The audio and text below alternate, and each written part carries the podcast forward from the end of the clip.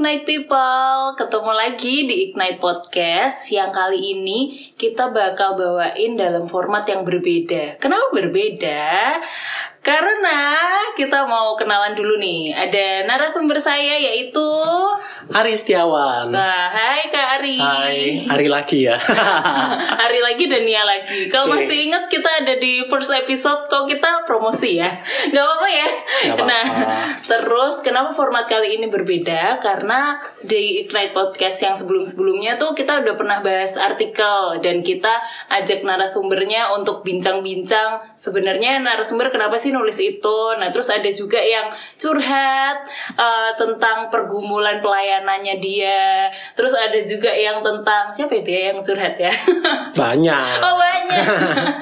Terus ada juga yang tentang puisi. Oh iya iya iya, Hmm, punyanya Esther puisi. itu. Iya puisinya Esther itu. Nah terus kali ini kita akan bawain dalam format narasumber kita sebagai orang ketiga. Ya ampun. Selingkuh sama siapa ya? Bukan, bukan. Jadi selingkuh atau bukan, Bukan ya? tentang selingkuhan. Sekarang karena karena kita mau bahas tentang artikel dari sobat anonim. Oh, ini bukan wow. sekedar teman loh, tapi ini sobat. Jadi Sobat. heeh, dia udah berani share pengalamannya di Ignite. Nah, Amazing. tapi tetap dia nggak boleh dikasih tahu ya citra dirinya itu siapa Betul gitu. betul betul. Walaupun mungkin Ari atau Nia tahu nih orangnya siapa gitu kan karena ki- kita orang dalam dalam Oh tanda iya. Enggak, aku nggak tahu kan. iya iya iya. Nah jadi di sini Kak Ari akan be- berperan sebagai orang ketiga yang akan menanggapi artikel ini. Nah artikel ini kita perlu kita jelasin lagi deh perkenalan. Saya Nia, saya dari GKI Peterongan Semarang dan Ari dari Ari dari GKI Jemur Sari Surabaya. Iya. Tapi sekarang kesibukannya Sibuk sekali lah pokoknya. Oke deh, semoga tetap sibuk ya, tetap produktif. Nah, langsung saja nih, kita akan membahas tentang artikel yang bisa dibilang 17 tahun plus harusnya yang baca ya, Hmm. yang dengerin. Tapi kalau memang pengen denger nggak apa-apa sih. Ini buat pengetahuan, edukasi, Ya, gitu ya, kan. ya. Iya kan? Nah, aku pria dalam pusaran pornografi dan seksualitas. Oh, menarik sekali ya bahasanya ya. Nah, yang pertama kita mau ngomongin tentang latar belakang si penulis ini. Di dalam artikel itu yang dia menyebut dirinya boy. Boy ini menyampaikan tentang latar belakangnya yang sebenarnya keluarganya tuh aktif pelayanan. Pelayanan kan berarti di gereja. Kehidupannya ya baiklah gitu kan untuk Tuhan. Normatifnya ya. Iya normatifnya. Tapi kenapa kok dia bisa sampai terjerumus ke dalam pusaran pornografi dan seksualitas? Kenapa itu? Nah, kalau kita lihat di artikelnya ya, karena Hmm. kan uh, dia menjelaskan orang tuanya kerap meninggalkan si boy serta kakaknya karena sibuk bekerja dan pelayanan. Karena cari dikontrol, sang boy pun mengenal seksualitas melalui pornografi, tepatnya lewat bacaan hentai. Tahu hentai nggak? Tahu sih, itu aku zaman SMA kuliah tuh teman-temanku suka Jepang-Jepang. Oh. Nah, itu termasuk aku diceritain hentai. Nah, edukasi. Hentai itu uh, buat pen- buat para ignorant people yang belum tahu itu komik dewasa kok, Komik komik, porno dewasa, iya, yang betul. gambarnya relatif Jepang-Jepangan gitu. Iya, Nah, benar benar benar. Nah di sini Narsum menyampaikan bahwa masih banyak, mungkin ya, mungkin mungkin juga buat koreksi buat kita semua, masih banyak orang Kristen yang dalam tanda kutip masih konservatif, Mhm. menganggap seksualitas itu adalah hal yang tabu untuk diajarkan dan bahkan tabu menjadi sebuah didikan bagi anak-anak. Terlebih kalau kita lihat karakteristik orang tua yang sama-sama sibuk ya dari orang tuanya si boy ini, Mhm. entah dalam dunia, dunia kerja ataupun ataupun dalam kehidupan sosial seperti pelayanan sangat mungkin nih anak-anak tuh kurang pengawasan gitu. Mhm. Sedangkan realitanya ya, ah, Nia ya kalau misalnya kita lihat sehari-hari tuh banyaklah konten-konten dewasa entah itu bersifat pornografi atau mungkin kekerasan yang hadir gitu loh bisa kalau zaman dulu itu mungkin masih banyak-banyak lewat televisi gitu ya Oh, iya, televisi iya, iya, iya. gitu atau mungkin ah, kalau sekarang lewat dunia internet gitu kan Lebih gampang banget ya Lebih gampang lagi kan itu Mhm. aksesnya. Iya. Nah, saya ingatku ya kalau dulu pas waktu aku kecil Mm-mm. itu banyak lah kalau jam jam-jam tertentu udah jam 8 malam di salah satu stasiun TV yang sekarang sudah berubah namanya.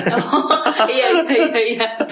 Aku nggak usah nggak usah nyebutin lah ya nama nama stasiunnya. Anak-anak lama tahu nih. Iya, anak-anak tahun anak-anak tahun 90 80 mungkin tahu nih stasiun Iya, TV iya. ini gitu. Itu sering nampilin konten-konten dewasa gitu yang Mm-hmm. Lebih terbuka, membuka aurat para wanita gitu Oh, ya. yang Itu sih. jam 8 ke atas gitu ya. Hmm. Tapi anak-anak sebenarnya masih bangun kan itu jam itu dan Masih bangun. kalau misal orang tuanya kayak kurang kontrol apa segala macam mereka malah kayak cari sendiri ha apa Cari tuh sendiri. gitu. Apalagi kalau yang udah di kamar punya TV sendiri ya. Oh iya, itu lebih lebih liar lagi ya. Nah di lingkungan aku ya nih ya. Mhm. Pas waktu sekolah dulu itu bahkan ya di lingkungan sekolah sekitar satu kompleks sekolahan gitu. Ya di Surabaya lah pokoknya kita nggak perlu kasih tahu di mana gitu. Mungkin yang kenal Ari pasti tahu nih di mana gitu. Alumni mana nih? ya adalah di area sekolah itu ada salah satu kios gitu tempat makan dan juga banyak anak-anak main PlayStation itu juga ada orang-orang tuh yang jual majalah atau komik dewasa. Loh, padahal itu banyak anak-anak yang ke situ. Banyak area Tempat main play, PlayStation Iya, kan. Loh. Wow. Berarti kalau anak-anak pengen tahu, wih apa nih gitu. Terus ya udah nonton-nonton aja gitu. Iya banyak yang beli komik-komik gitu. Oke, itu itu SMP, SMA, SD. Zaman zaman aku SMP mungkin nggak tahu ya kalau SD ya karena kan Oh. SD jarang nongkrong gitu dulu SD masih cupu Masih hari ini. masih alim, anak Masih rumahan. alim. Iya iya iya. ya mungkin juga sih ya kan karena uh, dunia kita nggak tahu boy ini asalnya dari mana sangat mungkin juga uh, dia dan juga saudaranya ini uh, kena pengaruh lingkungan gitu loh Iya benar benar benar.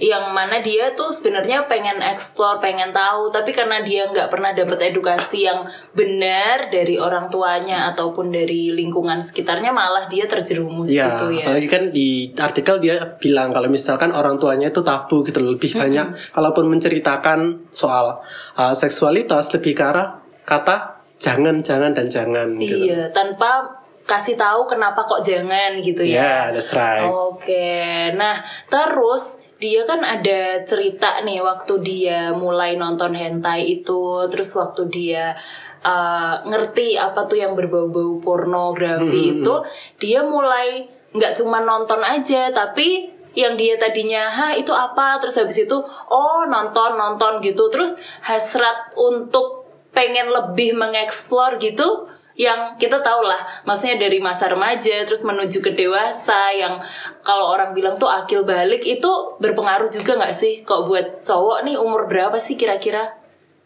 Maksudnya ini mimpi basah. Iya iya iya, iya itu benar akil balik kan Akil Iya, balik, benar. ah. kalau cewek kan menstruasi nih Iya, iya, iya, nah, iya. kalau cowok itu Ya, kadang Ari tuh butuh itu ya uh, kata-kata yang lebih lugas gitu. aduh oke dipancing-pancing aduh oke nah, kalau mimpi basah ya untuk pertama kali buat setiap cowok tuh nggak sama nih ya. Oh Nggak setiap sama orang setiap punya cowok. masanya Mm-mm. sendiri-sendiri Karena itu kan pengaruh hormon. oke Tapi rata-rata kalau aku lihat dari informasi di internet, di bacaan maupun dalam pendidikan seksual itu rata-rata mimpi basah pertama kali itu di usia 10 sampai 12 tahun. Oh 10 sampai 12 itu masih anak-anak masih SD SD, itu? SD, SD uh, kelas, Kelas 4 4 5 6. ya. Mm-mm. Oke. Dan padahal uh, maksudnya common people di Hmm. Indonesia itu buat anak SD ngenalin seksualitas big no gitu kan. Iya, Apa iya. sih kamu tuh masih SD, kamu tuh nggak boleh ini. Padahal mereka kalau udah memang sudah saatnya, mereka bakal pengen tahu dan rasa pengen tahu itu kan lumayan liar juga ya. Yes. Gitu. Nah, terus dalam relasinya si boy ini adakah yang terjadi karena dia sudah menikmati uh, konten ya, nah, konten porno. konten porno itu. Nah, diceritakan kan ya kalau misalkan di artikel itu si boy itu udah melakukan masturbasi sebelum usia lanjut gitu loh. Berarti belum masanya dia. Belum mungkin sebelum usia 10 12 tahun tadi ya. Oke. iya, wow, iya. wow juga sih ya. Wow, wow. bisa, tapi itu bisa terjadi juga. Bisa sih, tapi nggak terlalu berdampak parah sih seharusnya lo ya. Seharusnya nggak ber- berdampak parah pada kesehatan. Oh. Ya, tapi kita perlu paham juga nih tentang pengaruh hentai ataupun konten-konten pornografi lainnya. Konten pornografi kan gak cuma peri- perihal hentai aja ya. Iya, masih banyak. Nah, em, dari potongan kata pornografi, kita ba- potong yang terakhir ya, grafi. Iya. Yang berarti tulisan, berarti sesuatu yang bisa kita pahami atau kita tangkap secara visual gitu loh. Grafi itu berkembang, nggak cuma kaku perihal tulisan ka- ka- kayak misalkan tulisan-tulisan zaman dulu Hebrew atau mungkin Arab gitu, tapi Oke. berkembang tuh nah, lebih dinamis. Ada yang dalam bentuknya gambar 2D, 3D, video atau beragam perkembangan yang jadi uh, grafis yang didesain sedemikian rupa. Kalau misalkan kita paham sendiri ya, tulisan iya. sendiri itu kan uh, beberapa tulisan Hebrew atau tulisan Arab itu juga menggambarkan sebuah gambar. Misalkan ada gambar rumah, gambar air, gambar apa pun. Itu kan Oh. bentuk grafis, sesuatu yang bisa kita pahami secara mata kan ya. Iya, visual. Hmm, Nah, semakin lama ini semakin berkembang tuh. Grafi menjadi sebuah grafis yang bisa lebih menarik, lebih dinamis yang benar-benar kita nikmati sekarang mungkin uh, dalam bentuk gambar, video, segala macam gitu. Nah, dari sebuah karya grafis ini yang semakin menarik, otak manusia tuh makin gampang ya untuk mengelola informasi. Semakin mudah, semakin dinamis grafis yang kita tangkap, semakin kita tuh menangkap dengan baik otak kita, semakin memahami, semakin mengingat. Berarti kayak lebih kena gitu. Betul, betul. Lebih bertengger di otak lebih lama gitu. Anggap aja lah kalau misalkan kita uh, dalam uh, belajar gitu, lebih banyak tulisannya yang model kayak kamus gitu. Tentu kita Oke. mungkin beberapa sebagian besar orang langsung ah apa sih ini ngantuk Iya, banget gitu. Tapi kalau ada gambar-gambar, ilustrasinya itu kan pasti menarik gitu. Iya. Heeh. Nah, kalau kita kembali kepada seks, uh, seksualitas ya yang diajarkan melalui konten pornografi, di mana adegan hubungan seksualitas tuh sebenarnya banyak dirancang oleh industri pornografi itu sendiri. Karena banyak ya peminatnya kan.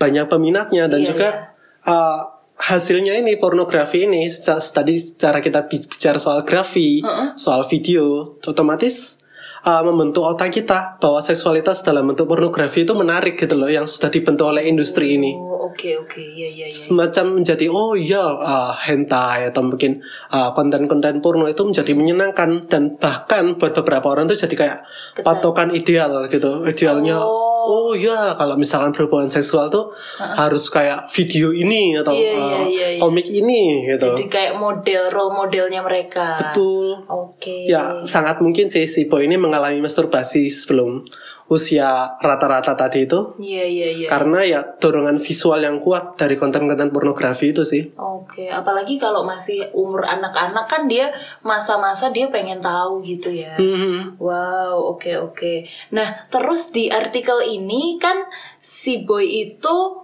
kenal hentai bukan dari dia nyari-nyari hentai gitu kan, Ya, tapi ya, ya. dia dari saudaranya. ya Dia ket- nemuin nemuin komiknya saudaranya, terus habis itu ini apa sih? Terus kakaknya cuma bilang ya udah baca aja gitu. Terus dibaca terus di sekolah dia ketemu teman-teman macem-macem dan ternyata teman-temannya juga malah ada di omong di artikel malah nobar waktu orang tua temennya tuh nggak di rumah juga. Jadi rumah kosong anak-anak ditinggal sendirian. Terus ada videonya orang tuanya yang akhirnya mereka tonton. Video orang tuanya atau video yang disimpan orang video tuanya? porno milik Oh. iya maksudnya yang disimpan orang tuanya Iya, iya, gitu. iya, iya. aduh. Iya iya iya iya. Nah itu berarti berpengaruh juga dong sama mentalnya si boy sama pertumbuhan apa seksualitasnya dia juga ya? Ya ya Oh, ya sangat mungkin sih apa ya uh, nggak cuma di sekolahnya si boy aja ya hal-hal kayak gini ya. Mungkin banyak di sekolah umum iya. maupun di sekolah-sekolah Kristen. Mungkin ya mungkin ya. Karena sebagian siswanya mulai sharing konten video porno gitu. Dan zaman aku ya itu uh, aduh aku kelihatan tuanya nih. Kan kita 11 12 Iya. ribu ya kira-kira kelas 1 kelas 2 SMA gitu. Itu kan SMA, oke. zamannya videonya uh, Abang Ariel, Ariel oh, Peter Pan. Iya iya iya iya. Bukan Ariel Susanto ya? Eh. maaf Pak Pendeta. maaf. Iya iya iya iya. Ariel Peter Pan, oh terkenal Yang banget kan itu. Banyak sama cewek-cewek Luna Hmm. Maya siapa? Kok saya tahu juga ya? Saya curiga ini. Ketahuan nih. Ikut Enggak, ikut kan? distribusi atau enggak ini? Waduh. iya, zaman segitu kan mesti kan pengen tahu dong. Heboh Iya. semua orang siapa sih yang nggak tahu gitu. Ya banyak yang akhirnya nge-share nge-share juga gitu Iya. ya. Nggak munafik aku, uh, aku pun tahu gitu loh. Iya iya iya. Ya karena kan memang uh, kul mungkin ya kultur ketika SMA gitu ada sesuatu yang heboh gitu di share sharekan termasuk konten pornografi, itu. Iya iya. Dan waktu itu ah udah SMA udah gede. Iya. Anak SMA kan aku tuh udah gede gitu kan. Apalagi udah punya KTP. Wah. Apalagi ya mungkin uh, nggak cuma sekedar nonton atau saling berbagi gitu. Bahkan ya ada juga yang dalam tanda kutip melakukan dengan pasangannya gitu. Iya iya iya. yang sama-sama pelajar gitu. Dan mereka sama-sama pengen tahu gitu ya. Hmm, explore explore secara mandiri. Explore each other gitu. Tapi ini kita bicara fakta ya, bukan maksud Iya. menghakimi ya. Fakta Iya, memang iya, di iya. lapangannya kan seperti itu yang saya tahu. Mungkin yang ah, Ari tahu nggak tahu. Kalau Nia sepen pengalamannya gimana? Tahu juga kok teman-teman tuh ya itu ma- eh, zaman ini zaman aku SMP ya. Malah SMP loh. Jadi ada beberapa yang memang mereka tuh anak hitsnya SMP gitu. Terus ketahuan nih kissing gitu ciuman di kamar mandi gitu sama guru. Wah heboh lah semua satu sekolah gitu. Dan ternyata semakin gede semakin ke SMA hal itu tuh memang biasa sih sama teman-teman gitu. Jadi ya ya memang fenomena sosial ya kayak gitu itu. Fenomena sosial. gitu. Nah eh, kita balik lagi ke boy dan boy itu melakukan hal yang sama ya. Mengikuti terbawa arus fenomena sosial itu. Jadi dia karena udah nonton pornografi, terus dia punya pacar, terus ternyata pacarnya juga mau. Jadi dia melakukan nggak yang tadinya cuma nonton, dia akhirnya melakukan hubungan seks itu. Walaupun sebenarnya masih di bawah umur ya. Di di bangku kuliah dia oh, bilang. di bangku kuliah. Oh, iya, iya, Iya, iya, iya. berarti di bangku Benar ya? kuliah nggak apa-apa ya? Maksudnya Ya, pada saat juga. kuliah, maksudnya bukan di bangku kuliah. exactly ya. Maksudnya pada saat dia menjadi mahasiswa gitu. Iya iya iya iya iya. Nah, ini berarti bahaya banget dong ya pornografi itu. Jadi Hmm. bikin orang penasaran sampai si boy ini akhirnya melakukan itu gitu. Dan di sini lumayan apa ya? Aku kayak mikir eh, lihat baca artikelnya boy itu kan. Akhirnya dia dari nonton terus dia nyoba nyobain terus akhirnya dia kecanduan. Dan dia pengen balik ini bener gak sih? Dia kayak tanya ini bener gak sih ngelakuin ini yang sebenarnya kan di tradisi Indonesia ya orang Timur ya. Itu berhubungan seks sebelum menikah itu adalah hal yang sangat tabu dan nggak boleh dan bla bla Ya, ya, bla ya. segala macamnya. Itu menurut Ari gimana? Sangat mungkin sih uh, relasi seperti itu uh, hubungan seksualitas terjadi sebelum masa menikah. Iya, ya iya. faktanya memang Banyak di lapangan. yang nggak di lapangan Oh. ya. maksudnya, Ya, maksudnya terjadi. di kamar hotel mana ya, gitulah. gitu. ya karena apa ya dengan alasan lagi dalam romantisme gitu berpacaran di map kalau ngutip pakai katanya si boy itu di mabuk asmara Aduh. aduh keren Iya, keren iya, keren iya. pinter dia milih bahasanya nggak tahu dia yang milih bahasanya atau editornya keren Oke. mungkin juga karena si boy sendiri kan udah terlalu dari sejak dini ya dibanjiri konten pornografi gitu Iya. dia jadi kayak nggak kuat terdorong melakukan hal yang serupa gitu Mm-mm. dalam hal ini apa ya hal yang terjadi dalam konten pornografi seolah kayak jadi patokan gitu loh dalam relasi gitu. Ya karena apa ya ya masa dalam sebuah video porno aja yang baru kenal berapa menit sudah melakukan gitu. Kenapa Oh kok iya benar. kita yang sudah berpacaran intim gitu? Heeh. ya Kenapa lakukan enggak, gitu? iya gitu. Ya mungkin sih gitu. Karena sekali lagi ini kan uh, bentukan dari industri pornografi gitu yang seolah-olah membuat narasi itu narasi dalam uh, relasi seks uh, hubungan seksual tuh semacam hal yang mudah-mudah saja gitu Iya, oke. Nah, terus dalam perjalanannya ini kan akhirnya si boy melakukan itu. Dan tapi dia ada di masa per- bertanya pada dirinya sendiri, ini benar nggak sih gitu. Nah, terus habis itu si boy ini kayak dapat jawaban duh ini nggak bener nih. Aku aku pengen ah nyoba ah buat kembali hidup ke jalan yang benar. Maksudnya dia pengen uh, bisa ngontrol hawa nafsunya itu dan dia pengen me- apa ya menjalani kehidupan relasi yang baik Yang yang, lebih sehat gitu lebih ya. sehat. Tapi ternyata malah ditinggalin sama ceweknya Oh jalan yang benar lagi tutup ada kondangan. gitu ya langsung Google Maps tolong dong belok kiri nggak, gitu nggak. terus gimana ya ampun tapi kalau sebagai cowok nih ya kalau sebagai cowok Ari mengalami ke ke mengalami hal yang seperti itu apa yang akan dilakukan Asli sih sedih sih kayak gitu ya.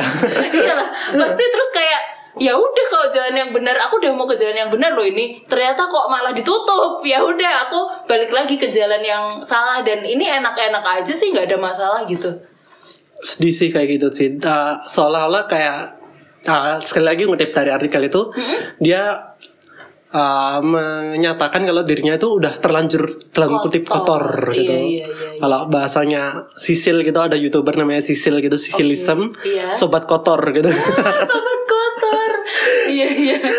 nah uh, dan juga dia mempertanyakan standar perempuan itu apakah semua perempuan tuh ingin pria yang nakal gitu ya. iya. Ah, Oke gitu. Dari sini sih diriku ya memahami kalau mungkin gambaran diri si boy ini udah terpengaruh banyak nih lewat relasi yang gagal gitu.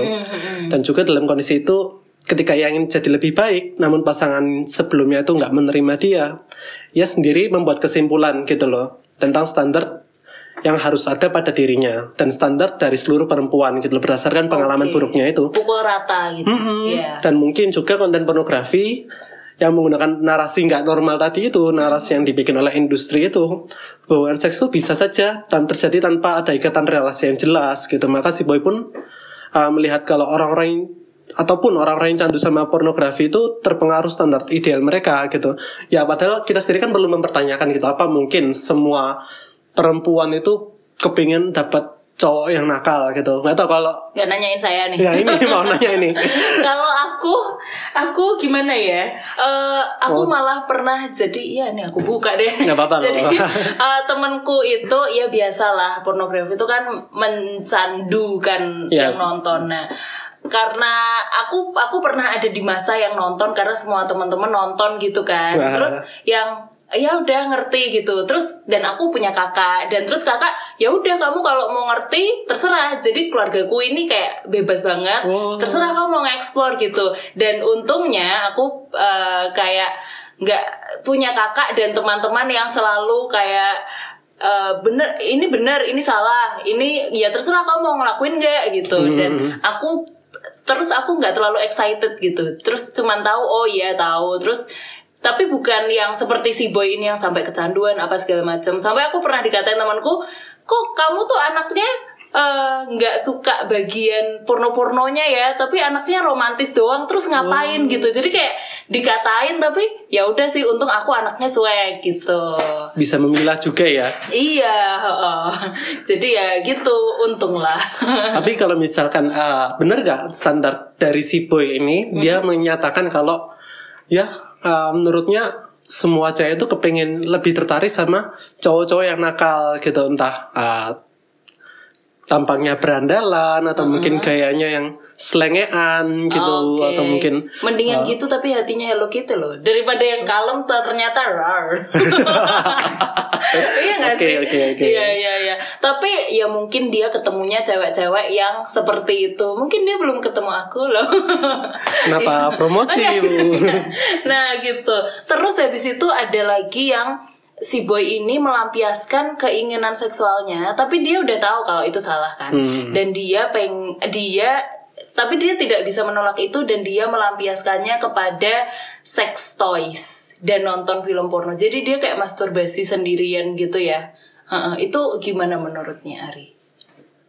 kan ini uh, rela apa bicara tentang dia nonton video porno habis itu menggunakan sex toys Mhm. kalau dalam narasi ini kan diceritakan dia ini uh, udah punya pasangan baru lagi kan tapi Mhm. beda, Beda kota, gitu dan dia tujuannya ya bisa dibilang positif bisa dibilang negatif ya kita nggak tahu ya Iya, iya, tujuannya adalah supaya uh, si boy ini tidak melampiaskan hasrat seksualnya pada perempuan lain gitu loh. Oh jadi nggak selingkuh, cuman buat sange gitu. Iya, pelampiasan gitu. Dan sedih juga sih ini baca kisahnya ini sialnya perempuan yang sempat si boy harapkan itu justru selingkuh dengan laki-laki lain. Ya Gila sih, Iya. sedih banget sih. Iya sih, dia kayak udah bertubi-tubi dapat yang kayak gitu ya. Hmm. Jadi dia jatuh terus bangkit, nah kayak gitu lagi. At some point, uh, aku personal sih respect sama si boy ini karena sudah berusaha untuk tidak Hmm. Iya. Hmm, mencari kenikmatan lain gitu dengan cari FWB ataupun sewa jasa Apa tuh, gitu. FWB itu apa tuh? Friend with benefit Oke, jadi temenan tapi yang cari enak-enak Oh, gitu oke. atau mungkin jasa uh, prostitusi gitu. oh pijat plus plus. Ya bisa banyak lah ya kayak gini. Iya iya iya iya iya. iya. Ya mungkin dia memahami bahwa hubungan seks itu bukan dengan orang sembarangan atau asal-asalan gitu. Hmm, At iya. some point uh, kita uh, aku sendiri personally memahami oh mungkin si Bo adalah orang yang mencoba untuk setia gitu. Hmm, Walaupun akhir kisahnya sedih sih. Iya sih bagus sih. Akhir kisah yang ini nih. Nah terus lanjut lagi dia punya beberapa yang dia kayak udah mikir juga apa ini kayak penyakit mental illness gitu. Terus habis itu dia sampai mikir apa aku butuh ke psikolog kok sampai aku kayak pengen meng- menyalurkan hasratku sampai ada ditulis di situ dia mengalami gemetar ya Hmm, waktu ya, dia ya, ya. menekan itu terus dia sampai pusing hebat atau apa nah itu itu gimana ya? Apa Kak Ari pernah dengar cerita teman atau gimana? Kan Kak Ari banyak dicurhatin orang sana sini kan. Gak cuma cowok gak cewek juga gitu kan. Nah itu gimana tuh? Apa penting juga ya ke psikolog? Penting-penting sih gitu. penting juga ya. Kalau misalkan dalam sebuah permasalahan ya entah si boy atau mungkin kita semua yang mungkin dalam tekanan depresi gitu. dan kita nggak ngerti uh, gimana cara penanganannya gitu. Betul betul. Oh, si boy ini kan depresinya uh, cukup parah ya, apalagi dia pakai bahasa menyampaikan bahwa tubuh manusianya masih menyimpan memori tentang Iya, iya, hubungan benar. intim gitu. Uh, dalam tanda kutip dia pakai bahasa memori tubuh. Pernah Oh. dengar gak? memor iya iya iya Ya, tahu itu- tahu tahu tahu Mungkin buat beberapa orang sih hal yang baru ya, tapi uh, dari Ari baca baca baca tentang psikologi dan banyak tanya-tanya teman psikolog gitu. Kalau kita paham dunia psikologis itu memori itu nggak cuma disimpan dalam otak manusia aja, otak literally otak ya. oke Tetapi juga seluruh tubuh manusia pun punya memorinya masing-masing gitu. oke Kayak jantung dalam dunia psikologi itu dianggap sebagai otak kedua, lambung itu sebagai otak ketiga. Ah, seingat saya ya, mungkin bisa dikoreksi kalau salah ya teman-teman ya. Ah, karena organ dalam tersebut itu punya ingatan akan hal-hal yang terjadi. Contohnya kita itu deg-degan, rasa deg-degan itu kan di jantung kan ya. Atau mungkin ketika kita malu, marah itu kayak dada, dada itu berasa sesak banget gitu. Nah, aku pun sih memahami bahwa hal yang terjadi pada boy itu merupakan hal yang nggak mudah. iya iya benar Karena bukan hanya otaknya aja sih yang terkena konten pornografi tadi itu, tapi ya tubuhnya sudah mengalami hubungan seks tadi itu. oh Ya, iya cerita. Jadi kayak pengen lagi pengen lagi gitu. Dalam perspektif Kristen kan pendapat pasangan boy itu boy, uh, di sini kan boy ceritanya dapat pasangan baru lagi kan ya. iya iya. Yang dalam tanda kutip lebih Kristen. Wah. lebih soleh. Lebih soleh gitu Iya, iya, berharap supaya uh, menjalin hub- uh, hubungan yang kudus gitu tidak melakukan hubungan seks sebelum nikah gitu Iya benar. Nah ini kan tapi di akhirnya akhirnya si boy ini kan mendapatkan beneran pasangan yang seperti apa yang dia impikan setelah dia mengejat semua cewek tuh sama pengennya Yes, cowok yes. yang begini-begini. Terus ternyata uh, Tuhan setelah dia bergumul tentang mental illnessnya itu terus dia pergi ke psikolog apa segala macam dia mendapatkan pasangan yang oke uh, yang ngingetin dia kalau aku maunya hubungan seks setelah nikah dan kamu harus berkomitmen sama dirimu sendiri juga dan sama Tuhan dan sama pasangannya buat hidup kudus dan nggak melakukan itu. Itu pasti jadi kayak dia punya lingkungan baru terus dan pasangannya itu mau terima dia loh iya kan? Amazing sih. Iya amazing sih. Maksudnya nggak semua orang pasti makanya sampai boy menamakan dirinya sobat anonim dia nggak buka siapa dia kan sebenarnya banyak orang yang kalau dengar ceritanya boy ini ih kamu tuh berarti udah gini gini gini gitu kan gitu. Tapi ternyata dia sekeren itu gitu. Dia bisa bisa berani ngomong itu ke pasangan yang baru dan pasangan barunya mau menerimanya gitu. Wow keren banget ya jadi kita tetap harus punya lingkungan yang support kita Benar-benar. gitu. Di sini sih permasalahan ya bagus sih dalam tanda kutip kan dia men- mendapatkan lingkungan yang baru gitu. Tapi memang ada pertentangan tadi bicara soal memori tubuh, dia yang sudah baik otaknya maupun tubuhnya punya memori tentang pornografi soal dan juga hubungan seks gitu kayak bertentangan gitu Nia. Iya iya. Ini yang jadi bagian seru juga sih buat aku gitu. Di mana Boy itu mencoba menahan keinginannya. Mm-mm. Eh, yang nggak mudah pada akhirnya akhirnya kan bikin si Boy ini Sampai gemeteran, mual, sampai sakit, gemeteran, heeh. pusing, sakit gitu karena mencoba menahan nafsu berhubungan Iya. seks gitu. Padahal dia udah sampai kecanduan yang segitunya Hmm. gitu. Sam- Ini bisa dibilang kayak orang kecanduan narkoba yang kalau dia nggak konsumsi narkoba dia yang sampai wah sampai marah-marah apa segala Yes, yes, macam. yes. Tapi ini kecanduannya pornografi. Kecanduan pornografi dan juga kecanduan untuk melakukan hubungan seks Iya, mungkin. memori tubuh yang tadi Yes, itu yes. ya. Oke. Ya memang sih hal kayak gini nih kalau misalkan uh, Boy itu melakukan hal yang baik sih dalam tanda, tanda kutip dia mencoba untuk ke psikolog dan juga cari lingkungan yang positif gitu.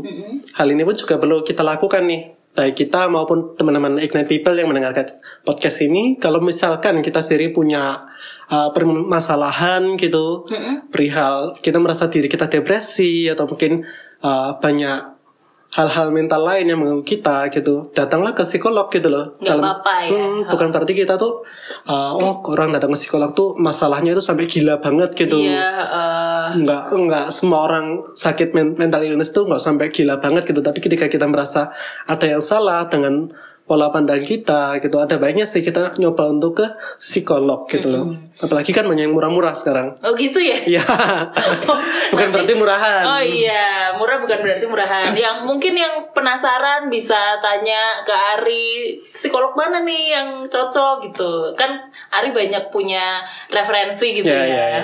Nah, terus habis itu berarti eh, itu tadi yang penting. Jadi dia sadar kalau dia itu salah, terus dia mau menyerahkan diri sama Tuhan buat kembali hidup kudus, kembali hidup benar dan amazingly-nya amazingly-nya itu uh, Tuhan kasih pas kasih si boy pasangan yang mau menerima dia apa adanya dan mau balik hidup kudus, support dia apa pun keadaannya Ya, gitu. ya. Wow, dan berarti di akhir kisahnya si boy ini dia kayak udah Oke Tuhan, ini aku apa adanya. Kalau misalnya aku depresi, oke nggak apa, aku butuh bantuan psikolog. Tapi aku mau kembali ke jalan yang kudus sesuai dengan kehendak Tuhan dan ya, ya walaupun dia sudah ngecap dirinya itu kotor gitu, tapi Tuhan kayak kasih apa kado Kesempatan. lagi eh, kesempatan. Nggak apa-apa, kamu tuh masih aku terima gitu. Wow, keren banget ya Keren si banget. boy ini. Oke, kalau um, dari kisah ini ada pesan khusus nggak dari Ari buat tentang ceritanya si boy ini? Ya, uh, aku mau ngutip dulu ya dari yang Boy katain uh, dalam kontennya. Dia bicara soal bahaya, bahaya pornografi tersebut bagi ingatan manusia. Kecanduan. Betul. Uh, ya kita sendiri perlu memahami kalau mungkin kita ya yang masih uh, mengkonsumsi pornografi gitu, entah yang belum menikah atau sudah menikah, kita harus pahami nih kalau misalkan uh, sekali lagi pornografi itu fake, Iya iya. totally fake gitu loh. Heeh. Karena semuanya dibangun secara narasi baik ataupun juga uh, visual, bentuk-bentuk tubuh itu semuanya dibentuk. Mm-mm. Baik entah lewat obat-obatan segala macam ataupun uh, sehingga nampak apa ya wah sekali gitu Iya, sangat iya. sangat menggairahkan semuanya itu kembali lagi semuanya itu palsu gitu semuanya adalah hal yang sulit untuk Bahagia terjadi semata. Iya Ya, iya iya. benar benar benar. bukan tidak bisa menciptakan kebahagiaan gitu loh Iya, malah sebenarnya itu kayak eh, bikin kita bodoh gitu kan. Yes, Karena yes, terngiang-ngiang itu terus, kita mau ngerjain yang lain, jadinya pengen itu, Yes. pengen balik lagi gitu. realitas uh, tentang pornografi itu tidak bisa diterapkan dalam hubungan seks secara nyata gitu loh Oh gitu. Yes. Iya iya iya iya iya. kita terlalu berangan-angan uh, oh iya uh, hubungan seks yang keren tuh seperti konten video ini nggak bisa Oke. gitu karena uh, Itu memang dirancang Dirancang rupa. oleh- oleh industri pornografi dan kalau misalnya kita sering konsumsi terus benar katanya itu merusak banget ingatan manusia gitu Iya iya benar. Terlebih di usia dini gitu. Makanya si Boy ini lanjutin tentang pentingnya pendidikan seksualitas yang terbuka dan tepat oleh keluarga. Iya. Nah ini penting nih gitu. Ah, benar benar benar. Buat keluarga di Kristen di Indonesia, orang-orang Kristen gitu. Iya. Kristen. Kristen. Nah, jangan merasa tabu untuk mengajarkan tentang seksualitas gitu. Iya. Jangan sampai eh, anak-anak kecil explore sendiri gitu. Dan malah salah. Ya, Iya. mengeksplor secara salah gitu. Ada baiknya tetap ada pendampingan gitu loh, walaupun Iya. sesibuk apa pun kalian sebagai orang tua gitu, ataupun kalian punya adik, punya ponakan, dibimbing. Uh, Iya. mereka yang masih sejak kecil dari SD, SMP, SMA gitu. Iya. Ya biar mereka memahami secara benar gitu loh. Bahkan kalau setahu aku di luar negeri itu uh, sejak, sejak kecil ya awal-awal SD itu sudah diajarkan tentang uh, seksualitas dan juga relasi. Iya. Karena dua hal itu berkaitan erat kan ya. Heeh. Dan sekali lagi kita perlu pahami nih, seksualitas itu bukan cuma mm, terpaku pada hubungan seks saja gitu loh. Tapi aktivitas seks kita, ak- aktivitas kelamin kita dalam artian menjaga alat kelamin kita, habis itu perihal penyakit itu Oh, iya. seksualitas, Penyakit penyakit, seks bisa, gitu, menular seks maupun perawatan tubuh kita gitu Mm-hmm. dan juga penerapannya dalam relasi batasan-batasannya itu yang perlu diajarkan gitu loh sekali Iya. lagi bukan dengan kata jangan-jangan dan jangan Iya, gitu tapi dengan edukasi yang lebih kayak ke teman friendly gitu. Betul, betul. Cerita aja gitu. Oh. lanjut dia bilang soal dampak dampak hubungan seksualitas pada memori tubuh. Nah ini hal yang keren sih di mana uh, dia bilang kalau misalkan soal memori tubuh tadi itu bisa mengingat hal-hal yang sedang terjadi gitu. Ya kalau misalkan secara aku pribadi sih punya memori tubuh di ini namanya puno ya? Iya, belakang kepala. Ya, belakang kepala gitu. Di mana kalau uh, pas waktu aku pada waktu kecil gitu sering diusap-usap gitu kan uh, sama mamaku jadi ingat wah menyenangkan ya di situ gitu. Oh, Apalagi kalau misalkan bicara soal hubungan seks gitu yang sama-sama sudah intim gitu. Pasti tubuh kita mengingat gitu pasangan kita gitu. Oh. Kalau kata teman-temanku sih bahkan mengingat sampai bau tubuhnya gitu. Padahal pasangannya itu jarang mandi. Ya. Iya, iya, Ya, iya. oke gitu. Oke. Nah, eh, jadi hubungan seks itu sangat berpengaruh sih soal memori tubuh kita bakal ingat banget pasangan kita gitu. Iya. Ya, kalaupun kita belum menikah, melakukan hubungan seks ya otomatis ya kita bakal ingat terus pasangan kita, pacar kita ini gitu loh. Kalaupun eh, sudah menikah kan dalam tanda kutip kan lebih enak kan, pasti seharusnya tidak berpisah gitu. Iya. Tapi kalau misalkan dalam momen masih pacaran, sudah melakukan hubungan seks, pasti mengingat betul pacarnya ternyata bisa gitu. Iya. Wah, Jadi sedih. itu dong bisa dibilang jadi bucin. Iya, gitu. Karena dia maunya sama pacarnya terus, terus jadi ya bucin tuh kalau kata orang-orang Betul, bilang. jadinya depresi kayak si boy ini ditinggalkan Iya. oleh mantan-mantannya gitu. Oke. Ya itu berpengaruh sih hubungan seks dengan memori tubuh gitu. Habis itu dia lanjut tentang uh, betapa bernilainya memiliki komunitas yang mau mendengarkan, memberikan dukungan dan mendoakan. Yep. Nah ini penting banget nih bicara soal gereja. Ya. Gereja jangan sampai kita tuh uh, jadi orang yang judging gitu loh. Iya, betul. suka menghakimi lihat mereka entah yang rokokan, minum-minuman, tatoan gitu. Wah, ini Pasti orang nggak bener, bener gitu. Oh. Jangan sampai teman-teman gitu. Oke. Apalagi mungkin ada uh, teman-teman kita di gereja yang datang dia dia menyatakan dirinya, "Ya, uh, aku pernah melakukan hubungan seks dengan ini ini ini." Sekali lagi jangan di Malah dijauhi. Jangan dijauhi, jangan dihakimi, gitu. Betul. ya itu adalah momen ketika ya ini loh aku aku uh, dalam tanda kutip punya keunikan seperti ini. Bagaimana kita sebagai gereja merangkul. mau merangkul Iya. gitu. Itu penting sih.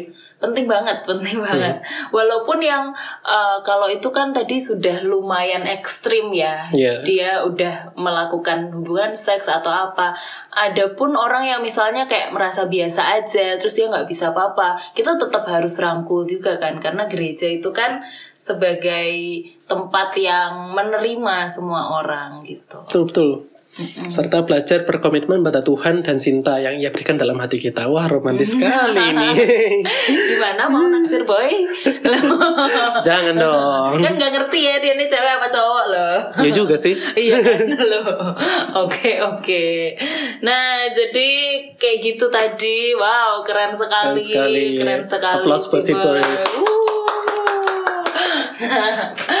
Oke, nah ya jadi demikian tadi uh, kita bahas tentang artikelnya si Boy, Yes. aku pria dalam pusaran pornografi dan seksualitas. Yes. Dan buat teman-teman yang misalnya uh, kita nggak tahu ya, memang sudah terjerumus dalam pornografi atau yang belum tahu malah pengen tahu, nggak apa-apa sih, semua itu edukasi. Tapi kita harus tahu uh, kita tuh di mana, terus edukasinya seperti apa, jangan sampai terjerumus. Karena kita tadi udah dengerin tentang kisahnya si boy yang sampai kecanduan, sampai memori tubuh segala macam, dan itu keren banget dia pergumulannya dari dia yang gak mudah terus akhirnya dikasih sama Tuhan tentang pasangan hidup yang mau menerima dia apa adanya dan lingkungan yang mau ngajak dia hidup kudus lagi. Keren banget tuh. Keren banget, keren banget. Oke, dah. Kari ada tambahan lagi?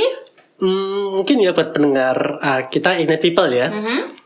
Mungkin kalau misalkan punya cerita yang dalam tanda kutip mungkin 11-12 gitu Iya. yang sifatnya itu sangat personal dan mungkin tidak bisa menyebutkan identitas. Mm-mm. Ignite ini men- menampung nih cerita-cerita seperti itu dalam Iya. bentuk ah, kita membuat identitasnya sobat anonim gitu. Iya, betul betul. Kenapa kok kita pakai istilah sobat? Karena sekali lagi Ignite tidak mau menghakimi gitu loh. Ignite pengen mencoba untuk merangkul kita semua yang mungkin dalam tanda kutip punya cerita-cerita yang uh, unik-unik gitu. betul, mau diceritakan, oke ayo gitu. Kita karena di sini kan setiap orang punya perjalanan spiritualnya masing-masing ya, Ya, termasuk betul, si boy tadi itu. Mm-mm. Teman-teman bisa kirimkan uh, cerita kalian gitu. Bisa cek di Instagram ada panduannya tentang menulis Di uh, Ignite. di Ignite. baik yang uh, langsung login di di website atau mungkin yang mau mengirim secara anonim gitu. Iya betul betul.